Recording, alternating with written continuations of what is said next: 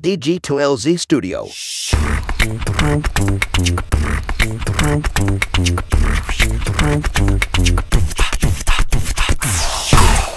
Selamat pagi, siang, sore, atau kapan pun waktu yang teman-teman pakai untuk mendengarkan podcast ini. Kembali lagi bersama saya Panji di podcast Ngobrol Bisnis. Sekarang persisnya tanggal 29 Januari, hari Minggu, jam 12.37 siang. Jadi lagi weekend-weekend uh, dan lagi santai gitu. Jadi saya baru baru dapat komik Hunter x Hunter ya sekitar dua hari yang lalu dah, dan rencananya mau menghabiskan waktu weekend untuk uh, baca-baca komik gitu. Terus tadi juga saya ngepost di Instagram terkait dengan uh, apa ya salah satu gambar di komik itu saya saya post gitu. Nah tiba-tiba ada yang nyamber uh, apa namanya? Nanyain podcast ngobrol bisnis kapan update gitu. Dan memang kayaknya udah dua minggu ya. Dua minggu yang lalu atau tiga minggu bahkan terakhir rilis ya, yaitu episode dengan Dimas. Uh, dan sampai saat ini belum ada yang diajak ngobrol lagi sih. Uh, udah ada yang email sebenarnya untuk ngajakin uh, kolaborasi gitu tapi kayaknya kurang cocok gitu kalau saya lihat. Dan juga uh, teman-teman yang saya ajak uh, belum belum belum ngefixin waktunya gitu jadinya belum belum update lagi makanya sekarang untuk ngisi kekosongan diisi dengan monolog dulu aja.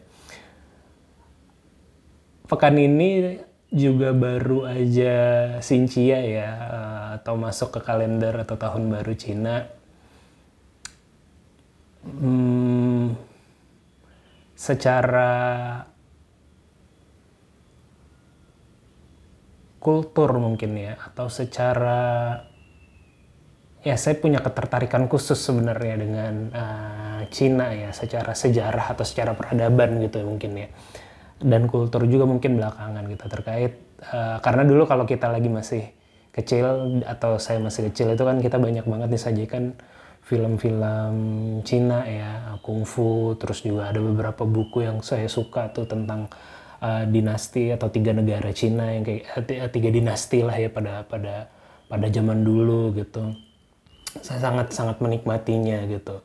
Uh, kalau terkait dengan kultur juga ya karena tadi pengaruh film, terus juga kalau dulu juga ada sebelum masuk ke drama Korea bahkan sebelum mungkin drama Jepang yang ramai di film itu, yang ramai di televisi dulu kan adalah drama drama-drama Cina gitu, film-film series Cina yang masuk ke TV Indonesia gitu. Jadi secara kultur juga lagi menyukai ya semenjak semenjak dulu gitu. Cuman lebih tahu lebih dalam lagi itu khususnya terkait masalah uh, tahun baru Cina atau juga bentar lagi uh, Cap Gomeh gitu uh, Xinjia atau Cap Gomeh nanti uh, tanggal 15 gitu karena saya menikah dengan istri saya yang kebetulan orang Palembang gitu dan dia juga sepertinya ada ya pastinya saya ada keturunan gitu ya dari keluarganya uh, karena perayaan tahun baru kalau di Pale tahun baru Cina kalau di Palembang tuh lebih riah riah ya? Lebih riuh.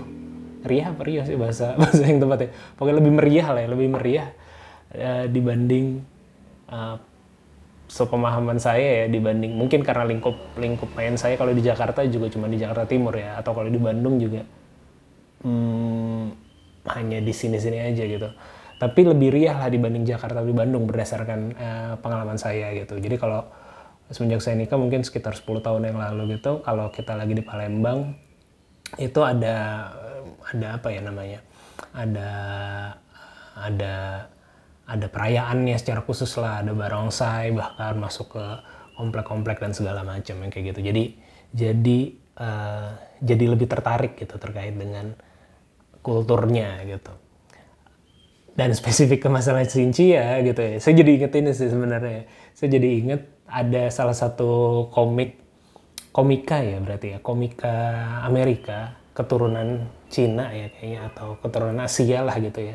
Dia punya beat yang menarik banget gitu. Lucu banget sih beatnya ini ya. Dia dia cerita tentang harusnya yang jadi presiden itu presiden US ya karena dia komika di Amerika gitu yang harusnya jadi presiden itu adalah orang Asia dia bilang gitu. Kita nggak kenal libur lah gitu. Kita hanya kita nggak punya tendensi atau kita nggak punya agenda dia bilang kayak gitu. Kita nggak ada kita nggak kenal Thanksgiving. Kita Thanksgiving tetap tetap masuk. Kita Natal tetap masuk dan segala macam gitu. Jadi menurut dia pekerja keras lah Asia, spesifik mungkin ke Asia Timur ya atau ke Cina ya karena mungkin dia keturunan sana. Karena karena ada bit-bit dia yang lain yang terkait dengan ada kan baru-baru ini ada Prime Minister UK itu dari India gitu kan. Uh, dia juga kalau nggak salah ditanya tentang uh, ditanya wartawan ya kan tentang komentarnya, oh ini udah ada nih uh, Asia Asia presiden atau Asia Prime Minister. Terus dia bilang tuh wah India mah bukan Asia kayak gitu harusnya India tuh uh, punya advantage yang berbeda lah dibanding dengan Asia jadi jadi kalau jadi India lo nggak boleh harus jadi Asia gitu nah artinya jadi lebih spesifik ya menguatkan argumen saya bahwa uh, yang di, yang dia maksud sebagai Asia nih Asia Timur lah atau China bahkan mungkin spesifiknya gitu. Nah tapi sebenarnya kaitannya juga sama Xinjia adalah atau Cap Gomeh gitu ya. Cina juga libur gitu sebenarnya ya di tahun baru Cina dan atau paling tidak bukan libur lah ya produksinya menurun lah bisa dibilang gitu uh, karena saya sebagai pedagang gitu ya uh, banyak ambil barang tuh dari Cina gitu untuk didagangkan atau untuk baik itu produk teknologi maupun yang lainnya uh, itu diambil dari Cina gitu spesifiknya dari Shenzhen atau beberapa distrik lain lah yang ada di di di, di selatan kayak gitu. Tapi mereka libur gitu. Bukan libur ya ya produksinya menurun tadi. Jadi ketika selalu ketika mau tahun baru Cina atau juga menjelang sampai cap gomeh cap gomeh gitu atau paling enggak bahkan lebih ada yang sampai sebulan mereka tuh tidak terlalu banyak menerima orderan. Ataupun kalau menerima ada quantity yang dibatasi. Jadi kita tuh sebagai apa ya istilahnya tuh? Sebagai yang beli barang ya sebagai yang beli barang dari mereka tuh harus aware dengan itu. Jadi kalau mau ada ada barang yang harus kita beli uh, untuk produksi gitu ya dari Cina, kita harus ngepul sebelum tahun baru Cina gitu. Kita harus masukin listingnya sebelum tahun baru Cina dan harus dikejar uh, sebelum tahun baru Cina. Atau dilewatin setelah cap gomeh atau dilewatin setelah bulan pertamanya kayak gitu. Jadi jadi jadi jadi kita harus aware terkait dengan itu gitu. Karena uh, ya tadi menurun gitu. Jadi sebenarnya argumennya kalau ada komikanya tadi namanya Ronnie Cheng ya, saya belum sebut ya. Komikanya namanya Ronnie Cheng itu jadi nggak nggak tepat juga kalau orang Cina tidak atau orang Asia Timur secara spesifik tidak tidak kena libur gitu. Jadi spesifik pada pada di bulan ini agak lebih berkurang lah gitu sebenarnya sepengetahuan saya gitu. Dan kaitannya juga dengan itu sebenarnya jadi concern juga belakangan gitu atau kaitannya dengan impor juga ya barang dari Cina jadi ada concern juga terkait dengan bisnis dan impor barang itu bahwa sekarang Indonesia tuh sudah lebih protektif lah bagus sebenarnya ya. bagus sebenarnya jadi sudah semenjak sebenarnya peraturannya udah cukup lama, cuman kayaknya baru kerasa di saya tuh baru diterapkan di tahun 2022 kemarin gitu. Jadi pemerintah tuh punya program, bukan program ya, punya aturan ya tadi ya, punya aturan yang uh, mereka sebut sebagai TKDN ya. TKDN tuh tingkat kayak apa ya? Tingkat tingkat komponen kalau nggak salah atau tingkat kandungan ya, tingkat komponen atau kandungan DNA dalam negeri gitu. Uh, untuk barang-barang tertentu. Nggak tahu sih tertentu atau semuanya. Pokoknya TKD ada ada nominal atau ada persentase TKDN tertentu yang mereka harus yang kita sebagai perusahaan yang bekerja sama dengan government, BUMN atau nanti mungkin akan diterapkan di seluruh Indonesia tuh harus ada tingkat TKDN uh, persentase TKDN tertentu untuk bisa mereka beli lah barangnya atau bisa mereka gunakan jasanya gitu. Kalau spesifik di uh, industri saya itu 40% gitu. Jadi TKDN-nya 40%. Untuk bisa berjualan ke pemerintah atau ke BUMN gitu. Tapi memang bisa disangkal juga kalau kita punya apa ya, punya argumen lah, punya argumen misalnya ini belum ada barang penggantinya dan segala macam kayak gitu. Tujuannya TKDN sangat bagus gitu untuk proteksi uh, proteksi produk dalam negeri dan juga sebenarnya untuk mendorong uh, perusahaan-perusahaan yang hanya sekedar impor gitu ya uh, uh, itu tidak hanya sekedar impor tapi juga membangun pabrik atau manufakturnya dilakukan di Indonesia gitu. Karena kalau sekedar impor, oke okay, duit masuk ke Indonesia juga, ada perdagangan terjadi di Indonesia, tapi itu jauh lebih kecil dampaknya nilai uangnya dibanding dengan kalau kita ngebangun pabrik di sini atau ngebangun manufaktur di sini gitu. Kalau kita sekedar impor, duit masuknya mungkin hanya sejumlah dagang nilai value dari barangnya aja kayak gitu. Tapi kalau kita ngebangun pabrik di Indonesia atau ngebangun manufaktur di manufaktur yang dilakukan di Indonesia, itu kan satu ada lahan, ada ngebangun pabrik, ada menyerap tenaga kerja, ngebangun pabriknya juga ada multiplikasinya dampaknya ke uh, perusahaan kontraktor, terus perusahaan semen, apa segala macam. Jadi jadi multiplikasi lebih besar gitu.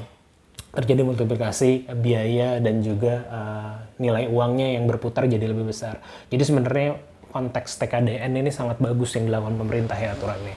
Dan sepengetahuan saya akan didorong jauh lebih naik lagi tuh. Misalnya tahun lalu 40%, tahun ini mungkin nanti jadi berapa persen, mungkin nanti sampai 80 atau 90 persen juga kurang tahu persisnya. Tapi tapi saya rasa saya duga akan didorong-dorong terus gitu. Tapi sebenarnya sebagai bukan pembenaran juga ya, mungkin sebagian pembenaran ya. Karena saya melakukan impor gitu. Tapi sebenarnya yang tidak di di dilakukan oleh pemerintah selain uh, yang harusnya ya, yang harusnya dilakukan pemerintah adalah juga menyiapkan infrastrukturnya gitu. Bukan sekedar membuat aturan uh, apa ya uh, boxnya aja gitu atau kerangkanya aja gitu. Jadi itu ibaratnya kan bikin peraturan hanya untuk pintunya aja lo harus masuk untuk segini. Tapi untuk menunjang itu harusnya kan disiapkan infrastruktur gitu. Misalnya secara spesifik kalau produk teknologi beberapa komponen yang saya ambil dari Cina itu memang spesifik belum ada pengganti pengganti secara uh, apa ya apple to apple-nya di Indonesia gitu. Jangan kan itu bahkan beberapa tahun yang lalu eh, saya sempat bekerja sama untuk bikin uh, mikrohidro atau energi terbarukan lah ya mikrohidro terus juga wind turbine dan segala macam.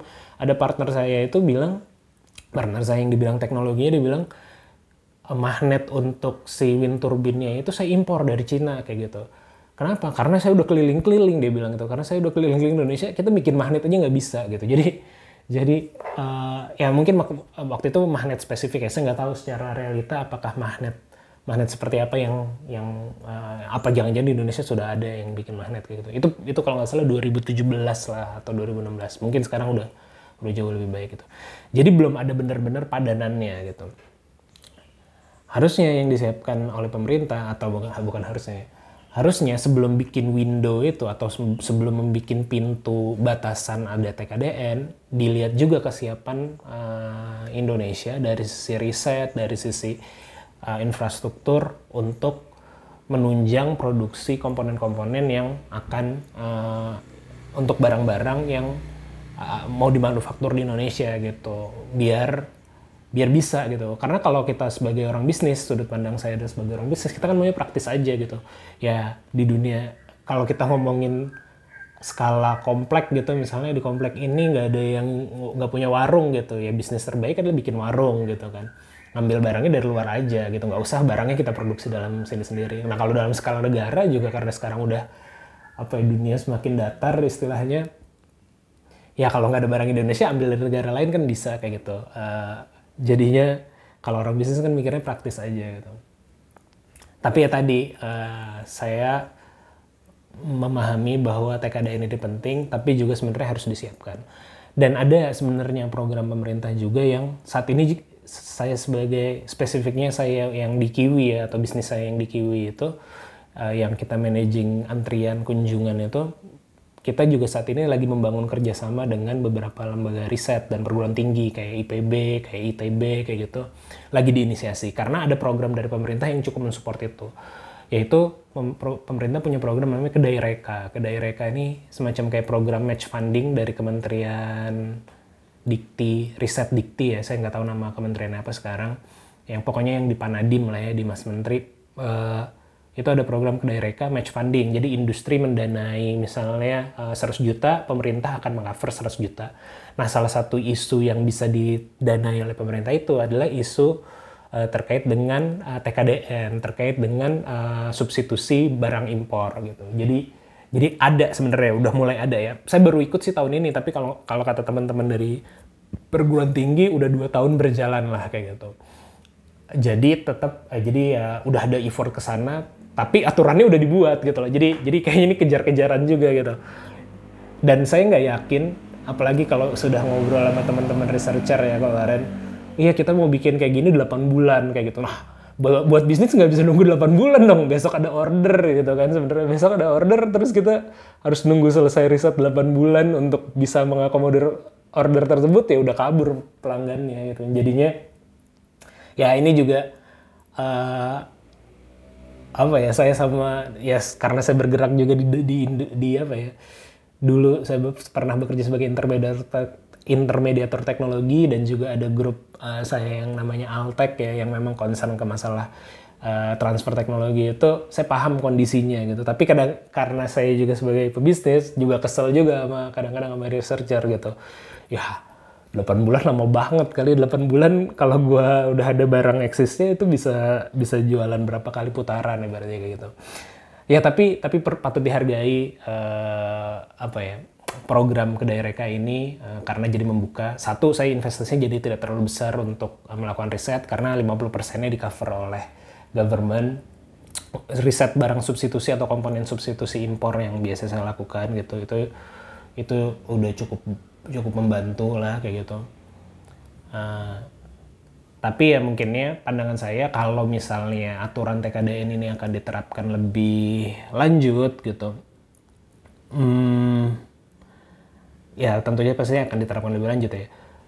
Uh, harusnya ada transisi itu sebelumnya gitu. Jadi kan kemarin udah ditetapkan aja ada 40% udah wajib kayak gitu. Nah, harusnya point of entry persiapan uh, riset, persiapan substitusi produknya itu jangan tahun setelahnya atau jangan bersamaan, harusnya sebelumnya gitu.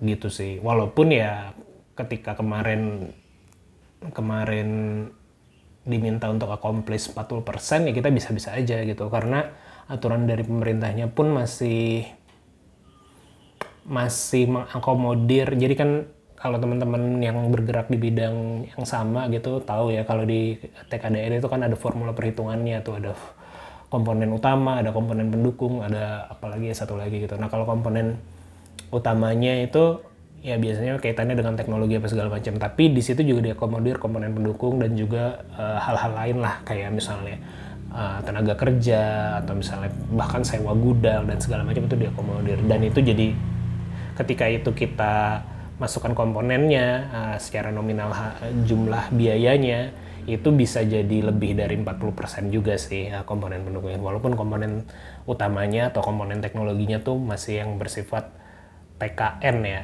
Eh TKDN uh, eh, pokoknya yang satu dalam negeri yang satu luar negeri lah saya lupa panjangannya apa. Jadi eh saya lupa singkatannya apa. Uh, jadi masih masih bisa di accomplish gitu. Tapi ya pengennya kan komponen utamanya juga ada substitusi impornya bukan hanya sekedar komponen pendukung atau tadi hal-hal di luar teknisnya gitu. Karena kalau secara jujur ya itu jadinya jadi kayak ngakal-ngakalin gitu. Ini barangnya sebenarnya barang impor tapi ya gue akal-akalin ditaruh gudangnya lebih lama ada biaya sewa gudang gue taruh distribusi atau transportasinya jauh lebih besar jadi ada biaya distribusi eh, biasa biaya transportasi kayak gitu itu jatuhnya jadi kayak ngakal-ngakalin jadi kalau mau dibikin ini idenya adalah apa ya komentar saya di finalnya adalah TKDN itu penting bagus gitu tapi ya mestinya harus dipersiapkan jauh lebih baik gitu. Uh, dan secara bisnis ya saya juga willing tuh makanya kita melakukan riset bersama tadi itu gitu ya. Untuk kalau bisa ya komponennya ada yang bisa kita substitusikan. Seperti itu gitu ini ngomongin ngomongin Sincia jadi jadi nyambungnya ke ke ke TKDN ya saya sebenarnya pengen ngebahas ya di monolog ini di belakangan ini di grup lagi rame terkait dengan di beberapa grup ya, di beberapa grup saya di WhatsApp gitu, lagi rame terkait dengan Tani Hub ya. Mungkin teman-teman juga udah ada yang tahu gitu ya. Dan sebenarnya uh,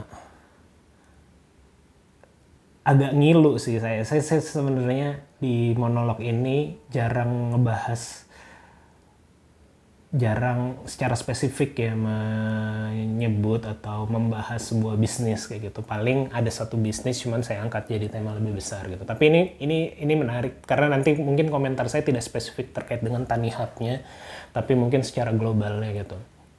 Ya mungkin teman-teman bagi yang belum tahu uh, sebenarnya dari bulan Desember sih lagi rame gitu bahwa Tanihub dan grupnya ya saya nggak tahu secara legal mereka uh, ada ada ada beda-beda atau kayak gimana gitu.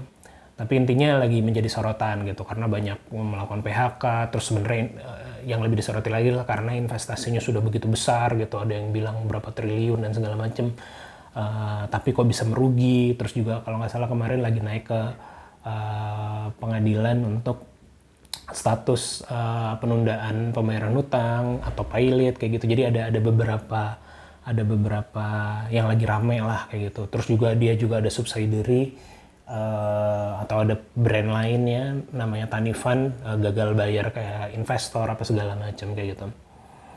Uh, kalau mau yang tahu kalau mau tahu lebih banyak mungkin bisa di di di search aja ya uh, di Google gitu atau cari di YouTube kayak gitu. Terkait dengan pemberitaan-pemberitaan tersebut gitu. Nah, saya sebenarnya pengen pengen komentar, tapi saya garis bawahi dulu. Bukan di garis bawahi ya. Mungkin saya kasih informasi tambahan ya yang yang saya sampaikan belum tentu valid atau belum tentu uh, tepat juga buat teman-teman karena ini jadi jadi jadi ini saya juga gitu ya. Ya jadi ini ini adalah komentar saya secara subjektif aja gitu, subjektif diri gitu. Pertama, saya sama keluarga sih uh, tidak pernah menggunakan tanihub ya, atau sebenarnya sayur uh, apa namanya sayur box atau yang sejenis lainnya lah kayak gitu ya, sebagai user end gitu, sebagai pengguna untuk mencari kemudahan uh, mendapatkan barang-barang fresh, barang-barang uh, pertanian ya, sayur atau buah secara fresh gitu melalui aplikasi gitu kita nggak pernah. Uh, alasannya sebenarnya karena lebih personal sih. Karena saya kan ada bisnis uh, toko beras juga atau toko sembako gitu. Uh, yang masih berjalan alhamdulillah. Dan saya sudah menjalankannya mungkin eh, uh, 10 tahun 12 tahun gitu ya.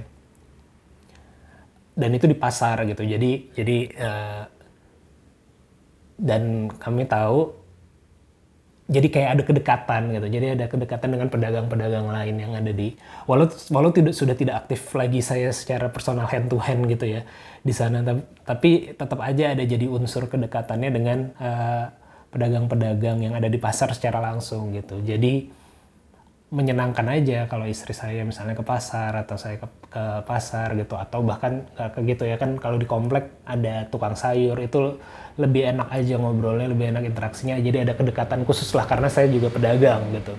Pedagang yang seperti itu. Jadi alasannya jauh lebih personal tidak pernah menggunakan aplikasi-aplikasi sejenis gitu. Uh, itu itu itu personalnya kayak gitu. Kalau uh, kalau sedikit komentar mungkin ya terkait dengan kenapa karena dengan sedikit pemahaman saya terkait dengan proses supply chain di industri uh, pertanian ya khususnya mungkin kalau saya spesifik di sembako tadi atau di beras dan lain-lain itu. Dulu saya pernah juga kayak bisnis uh, ini sih stroberi ya impor stro eh bukan impor stroberi apa namanya beli stroberi terus juga jual di Bandung gitu beli stroberi dari uh, Tasik ya kalau nggak salah. Saya lupa dari Tasik atau dari Garut.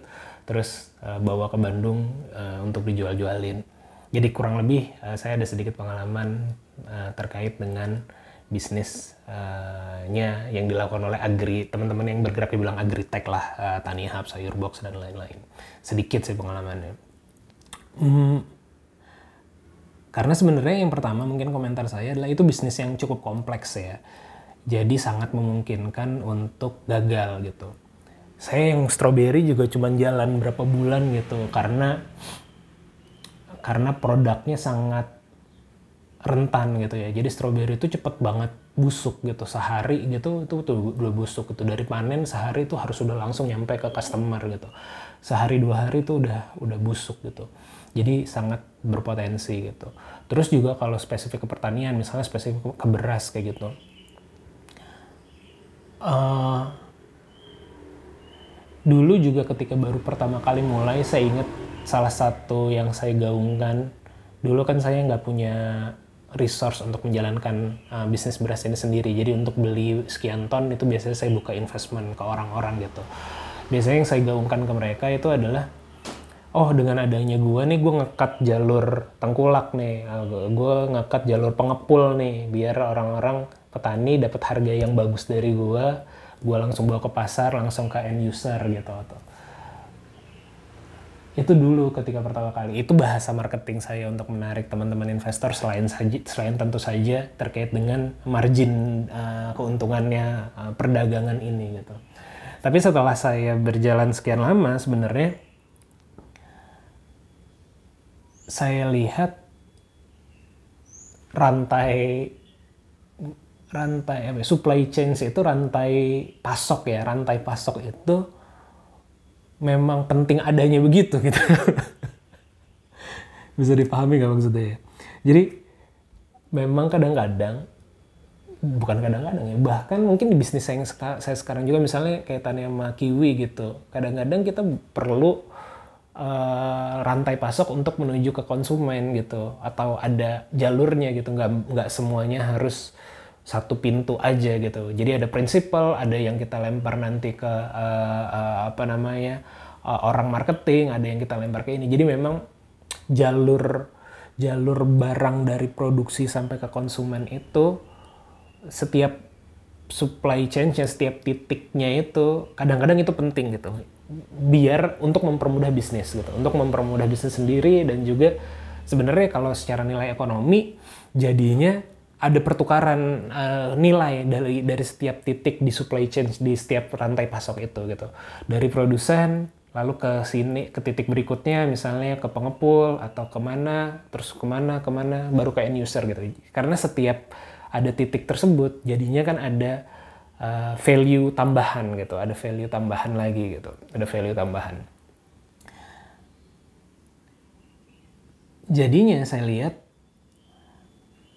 dulu ketika saya menjalankan yang pertama kali itu adalah nilai yang saya jual tapi ketika sudah berjalan mungkin tadi ya 10-12 tahun itu saya lihat tidak ya dibiarkan itu apa adanya aja gitu. Jadi saya beli dari pedagang sayur keliling gitu misalnya saya tahu harga dasarnya berapa saya tahu dia ambil uh, value berapa ambil harga berapa ambil margin berapa ya nggak apa-apa gitu. Itu udah sesuatu yang jadi hal yang lumrah aja gitu. Ada pertukaran value saya dengan uh, pedagang sayur keliling dari pedagang sayur keliling ada ada pertukaran mungkin dengan pedagang dia di, di pasar, penjual di pasar, penjual di pasar mungkin ada pertukaran nilai dengan penjual di pasar induk, dari pasar induk ada pertukaran dengan yang si pengepul, pengepul ada pertukaran. Ya, jadi jadi itu itu saya lihat saat ini uh, menjadi hal yang lumrah-lumrah aja gitu.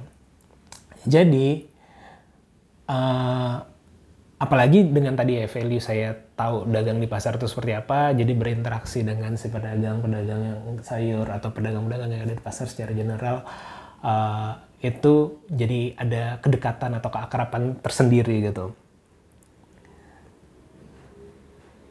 Poinnya adalah poin yang saya mau sampaikan adalah Tani Hub ini bisnis atau yang lain-lain ini bisnis yang cukup berat gitu karena dia pengen menjalankan ini supply chain-nya secara mandiri kan secara sendiri gitu. Dia mengkat supply apa rantai pasok ini dia pengen ngambilnya dari petani langsung lalu langsung ke end user. End user bisa jadi retail kayak kita atau bisa jadi grosir sebenarnya. Dan tentu saja lebih mudah yang melayani yang grosir ya karena sekali beli langsung banyak gitu. Dibanding kalau kita retail kan uh, saya yakin mas uh, walaupun saya nggak tahu kayak gimana tapi saya yakin uh, pasti karena saya juga melakukan gitu ya bisnis uh, sembako tadi itu ya pasti jauh lebih mudah dan lebih mudah lebih mudah di manage dan lebih cepat perputarannya adalah untuk melayani yang grosir gitu yang sekali beli berapa ton kayak gitu. Dibanding masyarakat kayak kita paling beli beras cuman berapa kilo gitu kan per uh, bulan gitu. Jauh lebih jauh lebih menguntungkan di sana. Nah kesulitannya adalah karena dia harus memotong rantai ini artinya dia harus bekerja sebenarnya dia tidak mau motong ya. Dia membuat rantai baru yang mana rantainya adalah rantai yang dimiliki ya rantai yang dikelola oleh uh, dia sendiri gitu. Dan mungkin jadi lebih sedikit iya. Jadi harganya jadi lebih murah untuk kayak user iya kayak gitu. Tapi untuk manage rantai ini agar dia bisa bekerja itu uh, sulit gitu makanya kan dia punya ada yang tani apa tadi tuh uh, untuk pendanaannya tani fund gitu artinya bahkan dia main di rantai ini bukan cuma di horizontalnya tapi di vertikalnya juga untuk pendanaan petaninya juga dia manage gitu. Jadi saya rasa memang bisnis yang kompleks gitu. Jadi sangat diwajarkan, sangat wajar ya menurut saya kalau uh, berpotensi sulit dijalankan gitu. Kalau saya suruh jalanin mungkin nggak mau ya. Gitu. kalau saya dulu mungkin karena kalau punya idealisme tadi ya, uh, ya walaupun idealisme berubah juga ya tadi akhirnya dulu saya punya idealisme kayak gitu pengen montong mengkulak pengen motong apa segala macam tapi di kondisi saya sekarang pemahaman saya ya kayaknya itu memang perlu atau bahkan mungkin wajib ada ya walaupun yang tidak baik adalah yang uh, ngambil margin terlalu besar merugikan dan segala macam itu tentu saja nilai-nilai itu tidak nilai-nilai itu tetap ya tapi sebenarnya proses dari titik ke titiknya itu hmm, menurut saya tetap perlu sih angkanya akan sangat sangat berat ya bagi sebuah bisnis untuk menjalankan itu. Jadi ya saya yakin atau nggak tahu juga sih yakin atau enggak ya. Saya duga lah paling nggak. Sebenarnya bukan di masalah ada fraud di dalamnya kalau tani hub itu bermasalah gitu. Tapi lebih ke ya memang ini kompleks yang di manage gitu. Atau ya positive thinking saya positive thinking saya atau uh, husnuzon saya adalah ya sebenarnya bukan belum tentu ada fraud di sana tapi karena memang bisnisnya sulit gitu. Terus juga terkait dengan spesifik yang uh, tani funnya itu ya ini sebenarnya karena saya banyak melakukan kayak project financing juga sebenarnya untuk bisnis saya pribadi gitu. Ini sebenarnya yang dilakukan oleh Tani Fund ini agak risky gitu. Karena jaminan untuk pembeliannya itu kan dari si Tani Hub-nya sendiri gitu. Dan ini terjadi di beberapa uh, startup-startup lain sebenarnya gitu. Ngerti nggak? Uh, uh, paham nggak ya maksud penjelasan saya? Jadi jadi kan sebenarnya project financing itu adalah kalau kita kita membutuhkan dana untuk melakukan produksi uh, karena udah ada PO, udah ada order dari pihak lain yang mau membeli uh, produk kita, jadi kita butuh dana untuk produksi ini untuk bisa uh, melayani pembelian gitu. Kita butuh dana, makanya kita nyari investor untuk mendanai proyek kita untuk uh, bisa melayani pembeli ini. Artinya udah ada permintaan. Nah, kenapa Tani Hub ini agak eh Tani apa tadi Tani Fundnya ini agak-agak uh, beresiko? Karena jaminan pembelinya sebenarnya kan dari Tani Hub itu sendiri. Jadi ini instansi Tani Fund di mana uh, Tani Hub mau beli beli beli apa namanya? beli produk dari petani, petani untuk produksi butuh pendanaan ditaruhnya di di Tani Fund gitu kan. Nah, ini ada agak riski karena ya yang beli kan si Tani Hub gitu. Ya ibaratnya cuman beda wajah aja tapi orangnya sama gitu. Atau beda iya beda wajah aja tapi tapi uh, yang minta produksi dan yang melakukan uh, ininya masih sama gitu. Nah ini agak riski karena ya ini ini juga yang beli gitu kan. Agak-agak agak-agak agak-agak mengerikan bukan mengerikan ya agak-agak berisiko lah tadi itu. Uh, jadi mungkin juga perlu ya satu sisi ada ada ada ingin ing, sebenarnya tadi ya ingin membuat rantai baru ada sedikit. Idealisme bisa jadi tapi bisa jadi juga ada sedikit mungkin. Kita ingin menguasai rantai itu kan ada sedikit ego dan juga mungkin tamak ya. Ingin menguasai rantai secara keseluruhan ingin punya bahkan vertikalnya juga ke pembiayaannya juga. Nah ini sebenarnya yang yang mesti di perhatikan ya buat teman-teman yang mendengarkan ini. jadi jadi secara umum berpotensi gagalnya sangat besar gitu.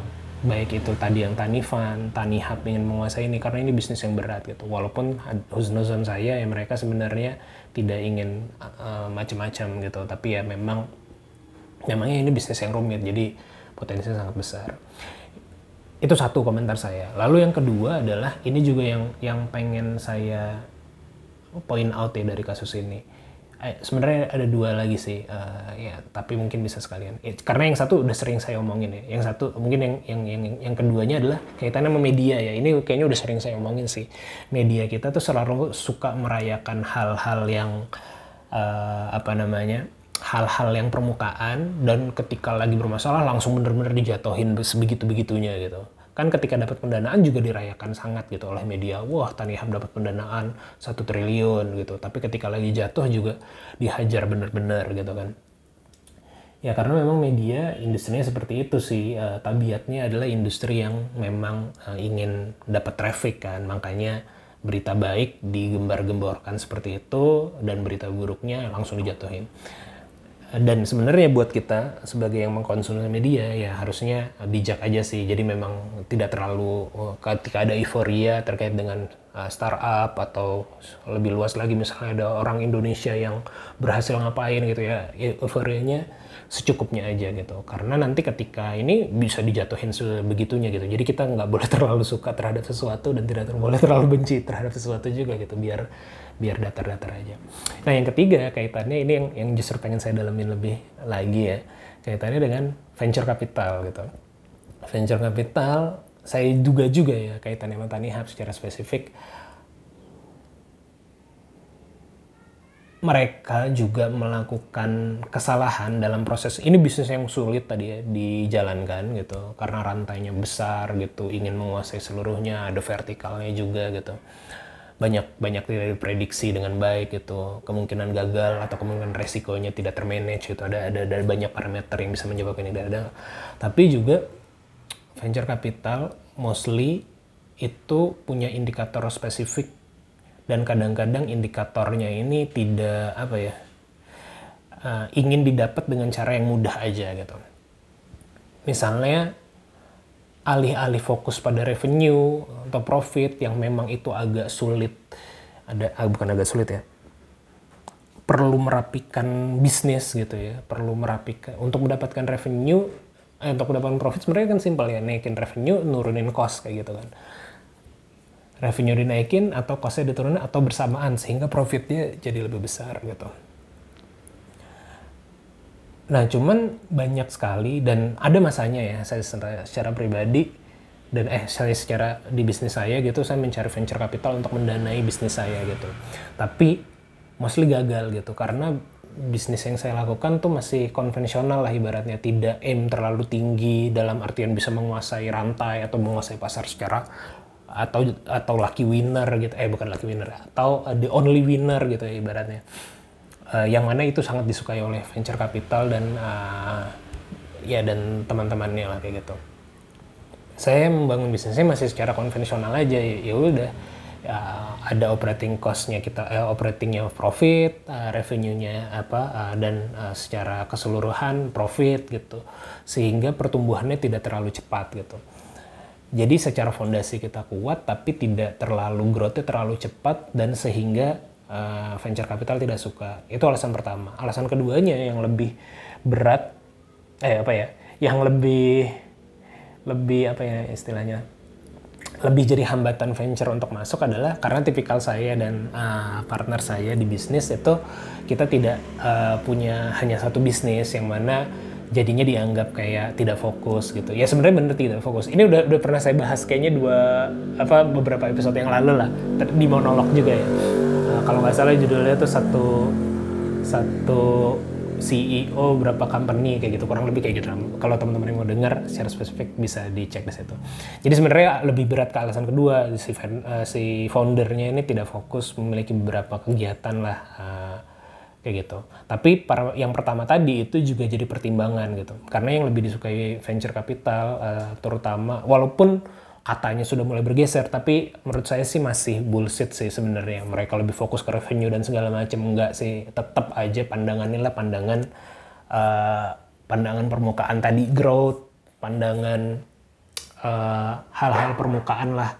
Uh, bukan bukan ke fundamental bisnisnya gitu. Pandangan ke oh iya ini lulusan Amerika, ini lulusan lokal itu masih pandangan bahwa oh ini keren nih secara tampilan uh, foundernya dan juga bisnisnya mentereng nih atau ada sosial impactnya nih yang kayak gitu-gitu lah. Menurut saya itu hal-hal kemasan sebenarnya bukan hal-hal fundamental.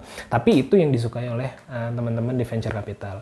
Pertama karena teman-teman venture capital mungkin ada beberapa yang jago ya, ya uh, dalam konteks mungkin pendirinya gitu atau yang punya duitnya gitu sih bikin venture capital tapi yang bekerja di venture capital yang mana mereka uh, sebagai title sebagai analis itu rata-rata uh, orang-orang ekonomi orang-orang finance gitu yang mana tidak terjun langsung secara ke bisnis tidak pernah terjun langsung ke bisnis sehingga melihat parameter eh, indikator itu indikator yang permukaan tadi. Walaupun mereka orang finance tapi kadang-kadang tuh malah bias terkait dengan finance-nya tapi lebih ke yang value-value uh, permukaan tadi seperti saya bilang yang yang jadi sorotan.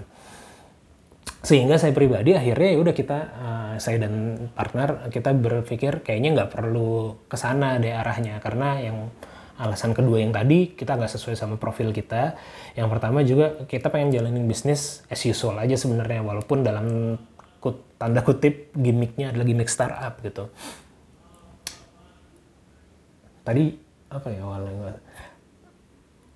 Lupa saya. Uh,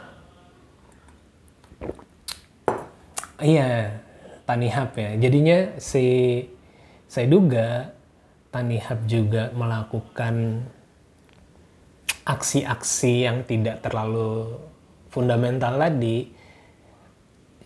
Justru karena kontribusi atau permintaan dari investornya juga atau permintaan dari venture capitalnya juga ya. Dalam artian uh, investor yang mendanai si Tanihubnya bukan yang spesifik investor yang untuk project Tanifan tadi ya. Jadi bisa jadi karena ada kesalahan dari permintaan si atau ya, si si si founder-foundernya atau uh, atau manajemen di Tani Hub-nya berusaha atau berupaya sekeras mungkin bekerja keras mungkin untuk memenuhi indikator-indikator permukaan tadi gitu. Indikator permukaan itu apa aja gitu. Indikator permukaan uh, saya bilang tadi ya mungkin kayak impact kayak gitu ya. Ke petani baik harga tinggi gitu. Terus mungkin juga kaitannya dengan uh, biasanya tuh GMV GMV ya gross merchandise value diharapnya tinggi seolah-olah perputaran di perputaran uh, penjualan barang di platformnya tinggi. Artinya apa? Mereka harus ngasih insentif untuk membeli biar harganya lebih murah. Nah ini jadi justru indikator yang mengganggu bisnis fundamentalnya gitu. Bagaimana kita mau minta harga, kita mau membeli harga tinggi tadi karena ada indikator impact tadi misalnya membeli harga tinggi dari petani, tapi kita menjualnya dengan harga murah biar transaksinya tinggi. Ini kan jadinya nggak masuk akal gitu loh. Nggak masuk akal. Bagaimana mungkin gue beli harganya 2000 bisa gue jual 1500 biar meningkatin ini gitu kan. Jadinya dan saya duga dengan dugaan yang apa ya dengan dengan dengan tingkat kepercayaan saya terhadap kebenaran dugaan saya ini mungkin 90% lebih gitu ya karena dorongan dari investor untuk meningkatkan si GMV untuk brandnya atau ada social impactnya lebih besar gitu. Jadi ada kesalahan di, kesalahan di situ juga gitu. Jadi balik lagi poinnya dua hal tadi ya bisa aja. Ya karena ini bisnisnya sulit gitu Terus yang kedua adalah ya karena mungkin ada faktor kesalahan dari ya mungkin di kalau kalau di kita luasin ya nggak spesifik hanya Tanihub ini udah udah menahun sih kesalahannya ya. Maksudnya venture uh, mengejar hal-hal yang permukaan tadi itu. Dan takutnya bisa terjadi lagi ke yang lain gitu apalagi kalau secara spesifik di Tani ini kan venture-nya adalah venture-venture yang punya BUMN ya kayak BRI Venture masuk ke sini. Terus kayak punyanya Telkom apa itu juga invest di sini dengan nilai yang satu triliun tadi. Jadi dampaknya sebenarnya uh, ya kalau bayangan saya sih apa ya komentar saya terkait dengan spesifik kasus ini seperti tadi tapi harapan ke depannya mudah-mudahan teman-teman di venture capital gitu ya nggak ter nggak usah terlalu mengikuti style yang di Amerika lah. Kita coba kuatin fondasinya kita kuatin fundamental dari bisnisnya dananya digunakan untuk ya tadi mau parameternya profit gitu. Jadi jadi lebih kuat di fondasinya gitu uh, ke depannya. Jadi ini ya agak ngilu sebenarnya ngebahas ini karena cukup dekat tapi ya mungkin namanya meracau aja ya mungkin itu aja yang pengen saya bahas uh, pada uh, namanya, pada siang hari ini. Sampai ketemu lagi di podcast ngobrol bisnis episode selanjutnya. Bye